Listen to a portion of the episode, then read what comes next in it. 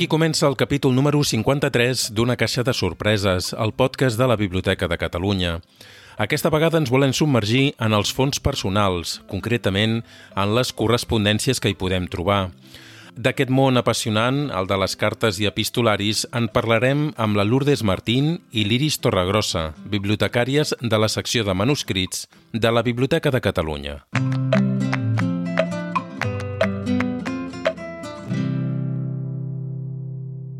Una caixa de sorpreses, el podcast de la Biblioteca de Catalunya.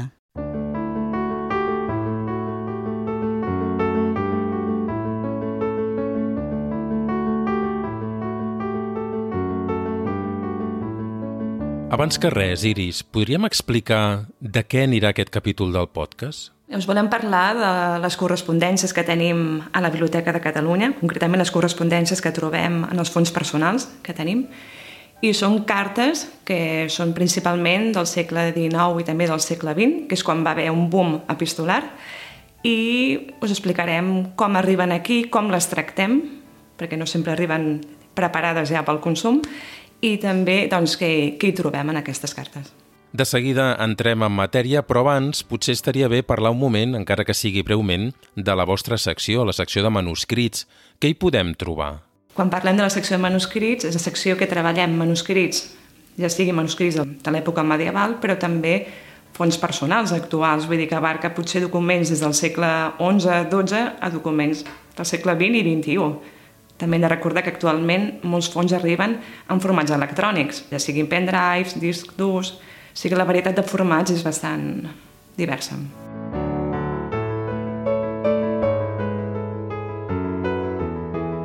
Són fruit d'una activitat intel·lectual i artística, literària.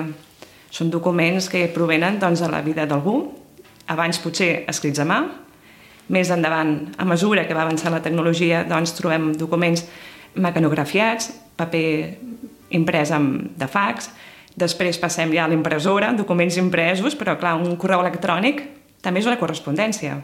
Abans era manuscrita i ara la trobem en format digital.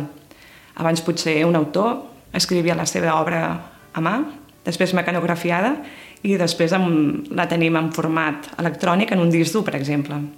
Però és documentació que es deriva principalment de l'activitat professional i artística activitat professional, però també personal, familiar, íntima, perquè trobem producció literària, però podem trobar cartes personals o pensaments o memòries, dietaris.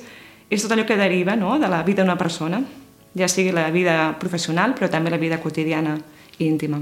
L'Iris Torregrossa ens explica també què entenem per correspondència. Quan parlem de correspondències, parlem d'un bloc que prové normalment d'un fons personal o d'un arxiu o d'una empresa editorial, per exemple. No hem de pensar només en persones, sinó també en editorials, institucions que també generen una producció literària, de paper documental, administrativa.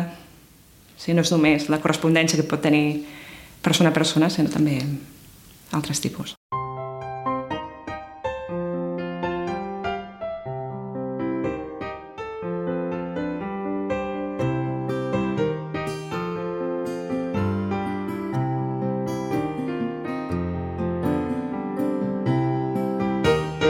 Un cop l'Iris Torregrossa ens ha parlat de la secció dels manuscrits i fons personals, parlem ara sí ja de com arriben les correspondències a la Biblioteca de Catalunya i com es classifiquen. Lourdes Martín. Normalment desembarca a la secció unes caixes de transport que contenen documentació del propietari i sempre venen acompanyades o normalment de la correspondència. La correspondència pot arribar amb sobres, a vegades eh, dins de carpetes reutilitzades, de vegades fins i tot amb caixes de sabates, que nosaltres anirem obrint com una caixa de sorpreses i anirem, a vegades estan dins del sobre, a vegades fora, però nosaltres anirem ordenant alfabèticament per el nom del corresponsal. Fa gràcia que en l'àmbit bibliotecari es faci servir la paraula corresponsal a l'hora de definir la persona que escriu o rep una carta. Potser és un terme que és més propi del periodisme, però nosaltres en la, la, utilitzem aquesta paraula per dir doncs, el propietari que emet les cartes, l'emissor, entre ells són corresponsals, perquè s'envien la correspondència. Aquesta correspondència rebuda s'haurà de classificar. pot estar a vegades eh, agrupada ja d'origen per algun motiu, doncs perquè era les factures i els rebuts, o era doncs, de, de l'editorial, o eren les cartes d'un premi que li van donar, o pel motiu que sigui. Nosaltres respectem sempre l'origen que va decidir el propietari o a vegades era un, un secretari, perquè doncs, també hi ha emissors que tenen el seu secretari i que ell li deia ordena, posa totes juntes les que són de l'àmbit polític o de l'àmbit eh, literari o de l'àmbit el que sigui. Això sempre ho respectem. Si no hi ha una ordenació prèvia, nosaltres el que fem és això, per corresponsal i per alfabètic i després cronològic. A continuació, un cop feta la classificació, tindrà lloc una altra tasca important, com és la del tractament físic d'aquells documents que ens han arribat, per la seva conservació i preservació.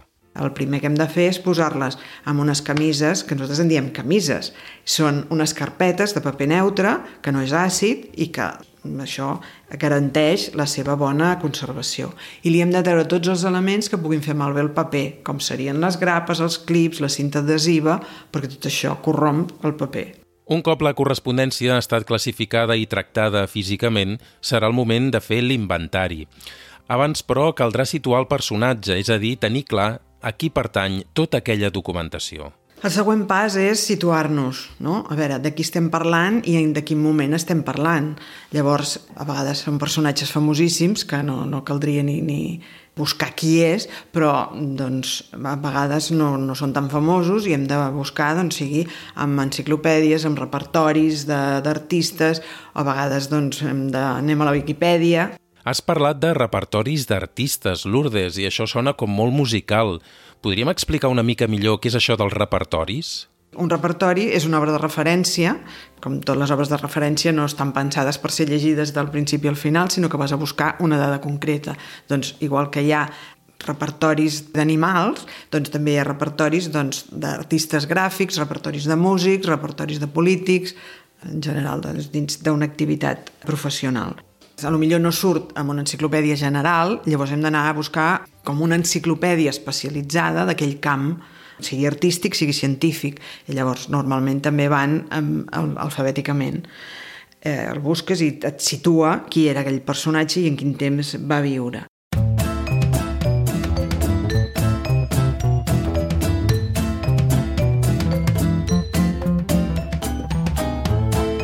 Cop s'ha ordenat la correspondència i tenim clar qui escriu, des d'on escriu i quan escriu, serà el moment de passar tota aquella documentació a text. S'elaborarà, per tant, un inventari. Aquest inventari és el que podran consultar els investigadors i altres persones interessades en aquells documents a través del catàleg de la biblioteca. L'Iris Torregrossa ens explica què conté aquest inventari. Hi posem una breu descripció física del document Comencem identificant qui escriu, que és el corresponsal, des d'on escriu, la data, el lloc, si és una carta o bé tenim davant una postal o un telegrama, hem d'identificar el tipus de suport en el que està escrit la carta també, l'extensió. És diferent una carta d'un full a una carta formada per 10 folis, per exemple. I també molts cops doncs, si el text és manuscrit, o si està escrit a màquina, o si és un tros de paper de fax, i també la documentació que hi adjunta perquè potser a vegades la documentació adjuntada pot ser fins i tot més important que la carta en si. Hi trobem fotografies de família, eh, invitacions, catàlegs... Tot això se'n fa una descripció, es penja al web de la biblioteca i ho fem accessible als investigadors. Investigadors que poden ser doncs, filòlegs, historiadors, sociòlegs, tothom qui estigui interessat. Li proporcionem la descripció del document, però no del contingut. El contingut no som prou entesos no? ni tampoc estem en dret de poder interpretar el contingut de la carta. Això ja ho deixem en mans de l'investigador. Dins de la descripció física del document hi ha unes parts especialment importants que s'han de tenir en compte a l'hora d'elaborar l'inventari. La data i el lloc, que normalment estan indicats a la part superior de la carta, tot i que a vegades potser la persona que escriu et diu dimarts dia 13, però clar, no saps 13 mm, de què, de quin mes, de quin any. Si tenim la sort que tenim el sobre d'aquesta carta, mirant el matasegells, podem saber de quin any és. Si no, doncs ho deixem com dia 13 i punt. Un altre element força important seria la signatura, qui signa. Això ens permet dir qui és el corresponsal, no? qui és l'emissor de la carta. Alguns cops aquesta signatura és il·legible. Aleshores hem de recórrer a l'ajuda doncs, no sé, consultar cartes que tenim repartides en altres fons de la secció de manuscrits per comparar cal·ligrafies i dir doncs, si és aquest personatge o no l'és. Molts cops amb la lupa hem de mirar bé si allò és una L, una S, una P, o fins i tot entre els companys de les seccions, passam les cartes, perquè potser no, la Lourdes sap llegir una lletra millor que jo i em diu, mira, és aquest, o al revés també. Altres elements importants serien les capçaleres de les cartes. Una capçalera seria la part impresa normalment que és la part superior d'una carta. Són cartes que poden ser d'institucions, universitats, òrgans de govern, establiments també. Ens permet identificar aquella persona que escriu quina funció tenia, si era, per exemple, el secretari d'un departament, si era vicerector d'una universitat, et permet fer una trajectòria professional d'aquell corresponsal, no? perquè potser amb el pas dels anys les cartes van canviant i ha passat de ser professor a ser rector. Amb la capçalera ens podem ajudar. També hi ha capçaleres molt boniques dels anys 20 del segle passat d'establiments antics, establiments que han desaparegut. Són capçaleres així a Mar Deco, noucentistes, que són precioses també. I també a destacar, per exemple, durant la Guerra Civil, sobretot la gent que es va exiliar, que va marxar fora, ja sigui a Sud-amèrica o a França, les capçaleres, normalment, que són d'hotels, restaurants, eh, hostals, et permeten fer un recorregut geogràfic d'aquest exili, no? perquè potser escriu una carta l'any 1939 des de Perpinyà, l'any 40 va pujant cap a França i llavors potser t'escriu en un paper d'un restaurant. I llavors, mirant la localitat, pots fer el recorregut físic i geogràfic d'aquest exili. Uns altres elements significatius que acompanyen moltes cartes són els documents adjunts. Igual que ara rebem un correu electrònic i normalment ens adjunten un document, abans també en aquesta carta hi trobem qualsevol material en suport paper, un retall de premsa que parla sobre l'autor, per exemple, una fotografia, eh, una participació de casament, un recordatori, molta diversitat de documentació hi trobem, i molt rica també. L'Iris ens comenta encara més elements significatius relacionats amb les cartes que formen part de les correspondències. Altres elements que trobem en les correspondències i que normalment són les absents són les respostes. Normalment, qui ens dona la documentació tenim la correspondència rebuda per ell i normalment no trobem la que ell envia.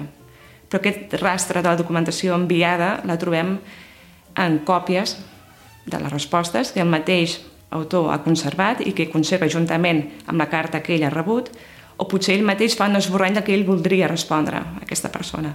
I aquest esborrany pot ser un tros de paper amb un esborrany manuscrit de la carta, potser per passar-la a màquina després, o per passar-la a un secretari perquè li enviés, o potser també trobem esborranys a la mateixa carta que ell ha rebut, doncs potser al final de tot ell escriu el text de la carta que ell voldria respondre.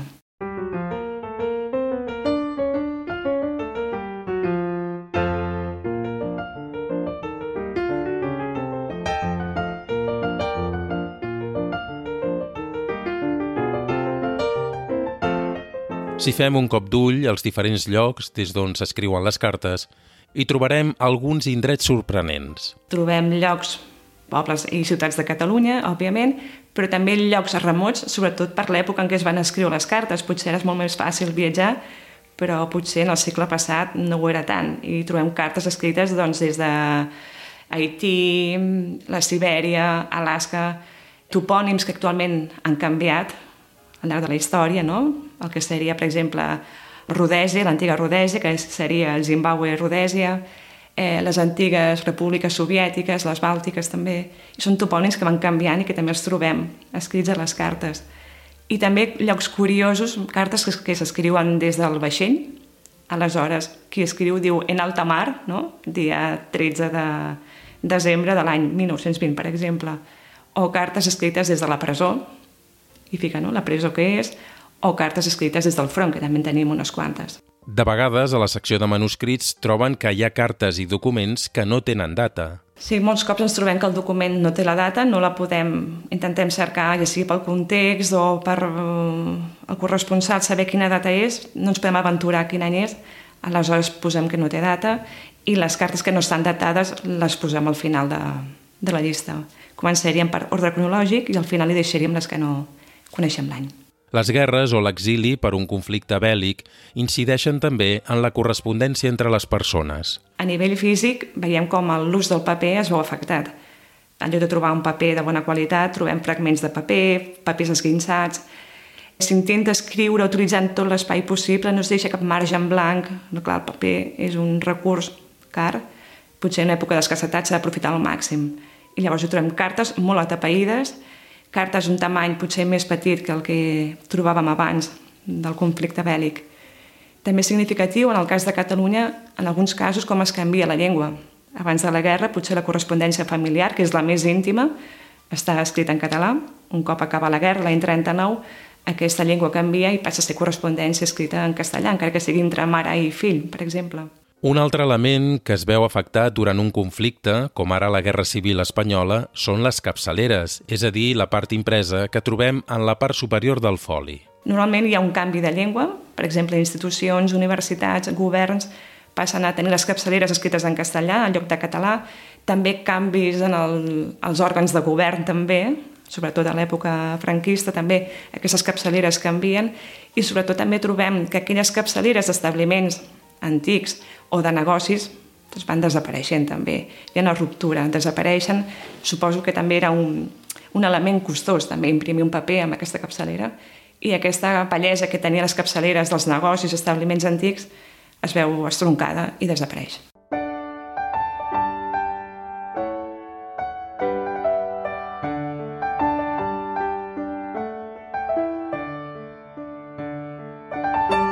Fins ara hem parlat dels elements més importants pel que fa a la correspondència a l'hora d'elaborar un inventari. També han sortit algunes curiositats i ara ens fixem en el tipus de correspondència que podem trobar en els fons personals. Ens hi ajuda la Lourdes Martín. Normalment doncs, la, la correspondència que tindrem serà entre els seus amics o entre els seus col·legues de professió. Aquest serà el gruix de la correspondència que trobarem. Per tant, si tenim un pintor, normalment és que trobarem molta correspondència de pintors o un periodista o un polític. També moltes vegades ens trobem la correspondència familiar. A vegades no, perquè la família, mm, els hereus consideren que se la volen quedar i no la donen o no, no la venen. Però quan hi ha correspondència familiar, que normalment et diu estimat avi, estimat tiet, i a vegades tots es diuen Pere, no? I llavors dius, i ara aquest qui era? Llavors, a vegades ens va molt bé fer un arbre genealògic, a veure, doncs si era el tiet, doncs el primer cognom devia ser aquest i tal, perquè llavors per ajudar a classificar les cartes. Encara que, com ens explicava abans l'Iris, no es fa cap descripció del contingut de la correspondència, de vegades, fent una lectura en diagonal d'aquelles cartes o postals, acabes entrant sense voler en la vida d'aquelles persones. Aquesta lectura ràpida a vegades et fa obrir els ulls bé, no? perquè dius, he llegit això, he entès això, i a vegades hi ha doncs, temes bastant íntims, com poden ser relacions amoroses, infidelitats, baralles familiars per herències, conflictes, interessos també... Estàs entrant a la vida d'aquesta persona sense voler-ho. L'Iris comparteix amb nosaltres algunes curiositats que podem trobar en les correspondències. La majoria corresponsals són gent coneguda per la mateixa persona, ja sigui a nivell acadèmic, professional o a nivell de família. Però també hi ha cartes anònimes, que potser poden contenir insults, amenaces, no? sobretot en gent que està en el món de la política, per exemple, o la literatura, però també poden ser cartes d'admiració, i són anònimes. També hi trobem coses curioses com cartes fetes amb un collage, amb trossos de diari i fotografies, o cartes que estan escrites amb altres materials, com poden ser catàlegs d'exposicions o un menú, una auca, que estan dedicades i que són el, el material, el cos de la, de la carta. I encara més curiositats relacionades amb les correspondències. Poden ser que la mateixa missiva, la mateixa carta, sigui una obra d'art i que sigui inèdita. Pot ser un poema inèdit dedicat a la persona a qui s'escriu, o pot ser un gravat una Nadala, trobem moltes Nadales que són gravats i estan numerats, són exemplars numerats d'una tirada curta, o dibuixos també originals, o també molts dibuixos d'infants també. I llavors veus, per exemple, com aquest nen escriu una carta a l'àvia i com la va escrivint cada any i el dibuix i la lletra del nen també canvia. O un altre fet curiós són les postals, que també en tenim moltes, i, per exemple, una persona que estiueja cada any a Roses, des de l'any 40-50, envia una postal cada any, veus com el paisatge es va transformant amb el pas dels anys, i ho veus amb les postals, no? com abans del boom del turisme dels anys 60 o 70, com era Roses, per exemple, o qualsevol altra població del nostre país, i com es va transformant el paisatge. I això amb les postals, que també seria un altre dels elements que, que trobem a la correspondència. Aquesta tasca d'investigació, d'intentar esbrinar qui hi ha al darrere d'una carta o postal, és de les coses més gratificants de la feina de l'Iris i la Lourdes. Sobretot quan no identifiques qui està escrivint una carta no, i al final ho aconsegueixes, és, és molt, molt divertit i molt gratificant també saber qui escriu no? i veure quina xarxa de comunicacions i de relacions socials hi havia en aquella època també. Ara és molt més fàcil, però abans la comunicació escrita també era molt privada, molt íntima també. I llavors saber qui s'escrivia amb qui, per exemple, o a vegades trobes personatges antagònics a nivell polític i no t'ho esperes i després manté una correspondència molt afectuosa i amical a nivell íntim també. Tens una imatge d'un personatge públic, però després quan veus les cartes notes una altra persona, veus un altre personatge, una cosa més, més humana, bé, tots som humans, però aquesta vessant més humana la veus quan l'estàs llegint. I les cartes et donen accés a un coneixement potser més íntim, més afectiu i també més quotidià d'un personatge públic. Però per què fan donació de la seva correspondència, d'aquesta part més íntima de la seva vida? Us heu preguntat mai, Lourdes? Jo, per exemple, no ho enviaria, no ho donaria, però sort que ho fan les famílies i els hereus, perquè podem veure aquell personatge públic que era un artista de renom o un polític de renom també té la seva part humana i li preocupa que el nen tingui febre, que no li hagin pagat un encàrrec o la situació política del país. No? Llavors, això, jo no sé si les famílies es plantegen directament si ho donem o no ho donem. També els hereus, moltes vegades, són hereus molt llunyans i a lo millor ho donen tot en bloc o ho venen tot en bloc. Llavors, potser també pensen que té un interès, perquè és la manera que puguis conèixer aquella persona, hem dit, si entrem en la intimitat. El que queda clar és que la correspondència ens apropa a la persona que hi ha al darrere. Aquella imatge que podies tenir de persona de ferro o de, de que sigui, llavors resulta que s'humanitza i, i és quan els papers ens parlen, perquè allò passa de ser un tros de paper, que en el fons, de fet nosaltres no som autòmats, sí que hem dit que no podem perdre temps ni és la nostra feina i que doncs, senzillament mecànicament anem posant doncs, la data, el lloc, el número de, de fulls, adjunta un sobre, però també els papers ens estan dient alguna cosa més, no? I ens estan fent un perfil que millor el veiem una mica d'esquinllentes perquè estem llegint en diagonal per identificar, però no sé, hi ha com una petita comunicació, no? Amb el propietari o amb el corresponsal i, i entre nosaltres.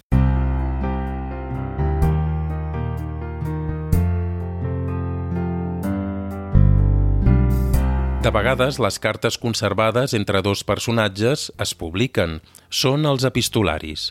Hi ha, doncs, especialistes que editen les cartes. És a dir, no tan sols les transcriuen, sinó que les estudien. I llavors clar, és interessant quan tens les dues parts. A vegades nosaltres tenim fons personals de dos personatges, que un té les, eh, el que li ha enviat i l'altre el que ha rebut, i pots completar, cosa que és ja un miracle, eh? que això passi i que estigui a la mateixa institució, perquè evidentment nosaltres no ho tenim tot. Tenim molta part de les correspondències de, personatges de l'àmbit català, però doncs, pel que sigui poden estar a molts als altres arxius o biblioteques de, de Catalunya o que estan en mans privades i, i no ho tenim. Però quan això passa, que tens les dues, llavors són els, aquests, els que dèiem els especialistes, que editen les correspondències i es publiquen. Sí, sí. Abans de publicar qualsevol correspondència, però, s'haurà de comprovar si aquelles cartes tenen drets. I el dret a la intimitat, també, que són 25 anys, crec, des de la data de mort de la persona afectada. O 50 anys, si no es coneix la data de mort, doncs 50 anys des de la data de producció del document. Que cal respectar també la intimitat i el dret de l'imatge d'aquesta persona. Molts hereus, potser quan ens donen o venen les cartes, potser ja diuen, mira, aquesta carta o aquest bloc de correspondència fins l'any X no volem que es consulti. Ells mateixos ja marquen quan podran ser consultades. També pot ser que nosaltres, descrivint les cartes, trobem correspondència una miqueta sensible que pot afectar a terceres persones, aleshores en aquest cas ho separem, parlem amb la família i diem què fem amb aquesta correspondència, us la tornem, fem un ús restringit, què en voleu fer? No? Perquè potser són cartes doncs, que, no sé, potser trobes una infidelitat o actes que potser poden perjudicar altres persones i no, no seria el cas. Però hem de tenir en compte això, el dret a la intimitat.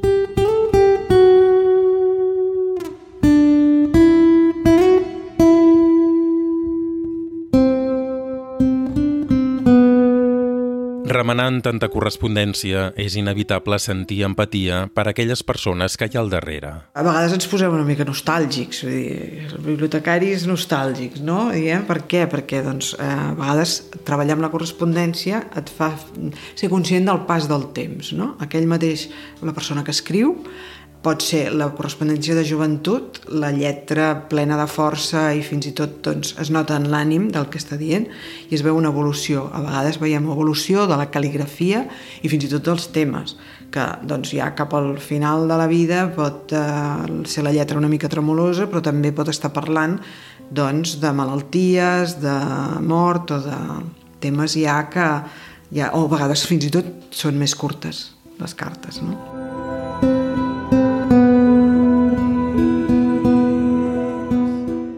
Amb el treball de la correspondència que vas sense voler-ho, no? empatitzant amb aquest personatge, sobretot quan veus el pas del temps, de com va evolucionant, perquè potser d'un mateix corresponsal tens cartes que s'han escrit durant 50 anys, 60 anys o 20 anys i veus com va evolucionant les converses, la lletra i et fa conscient de com és el pas del temps no? i aquella persona es posa malalta i mor i a vegades et causa com certa tristor perquè vas entrant a la seva vida i vas empatitzant amb, la, amb aquesta figura.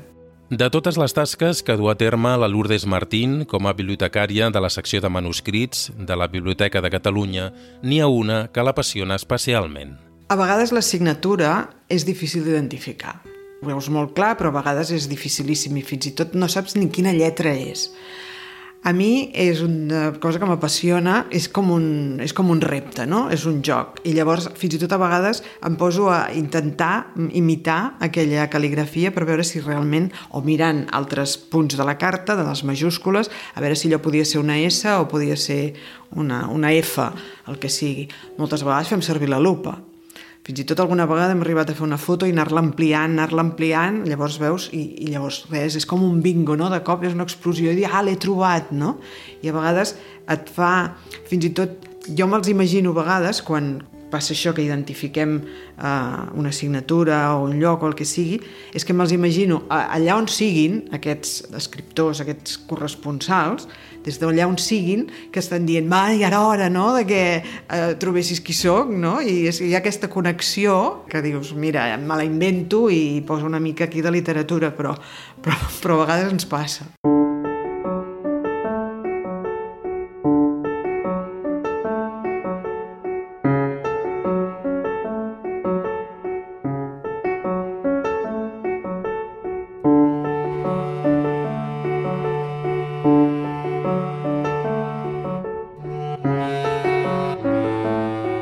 Totes aquestes correspondències que hem anat comentant al capítol d'avui formen part dels fons personals que conservem a la Biblioteca de Catalunya.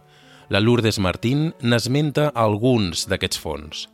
Dins del món de la literatura, doncs Maragall, Verdaguer, Foix, de científics tenim el fons d'en Serró, psiquiatre, el fons del metge Trueta, crític d'art, el Sebastià Gasc, molt important també el fons de la família Rubió, polítics com Estalric, romanistes com el Badia, és que hi ha una infinitat dones, dones, no, no ens podem deixar les dones, que evidentment són menys, com a tots els àmbits, però conservem el fons de la Maria Mercè Marçal, de la, de la Maria Antònia Oliver, de la Rosa Baroni, Montserrat Avelló, bibliotecària i poeta, de, de Lola Anglada, Repartides entre aquests diferents fons personals hi trobarem també algunes cartes de personatges singulars. Com a curiositat, dins d'aquest eh, ventall de cartes que conservem, tenim alguna carta, perquè és clar, no són els blocs, sinó són això, curiositats que podem trobar doncs, d'algun cuiner, el gato Dumas, el subcomandante Marcos, eh, el, un dibuix del Bolinski, de Charlie Hebdo,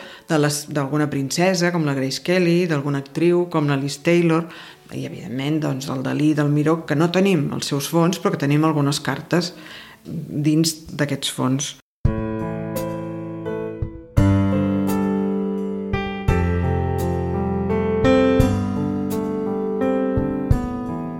Lourdes Martín. Aprenem constantment de la nostra feina, perquè et fa investigar i et fa descobrir moltes coses. Llavors aprenem doncs, personatges, aprenem eh, llocs, aprenem contextos i aprenem doncs, què feien i de, com treballaven i, i com es comunicaven també.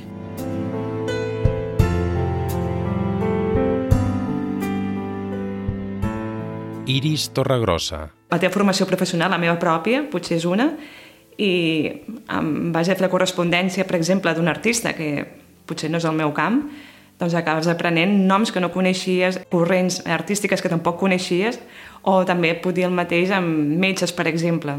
I que cada dia és un aprenentatge nou.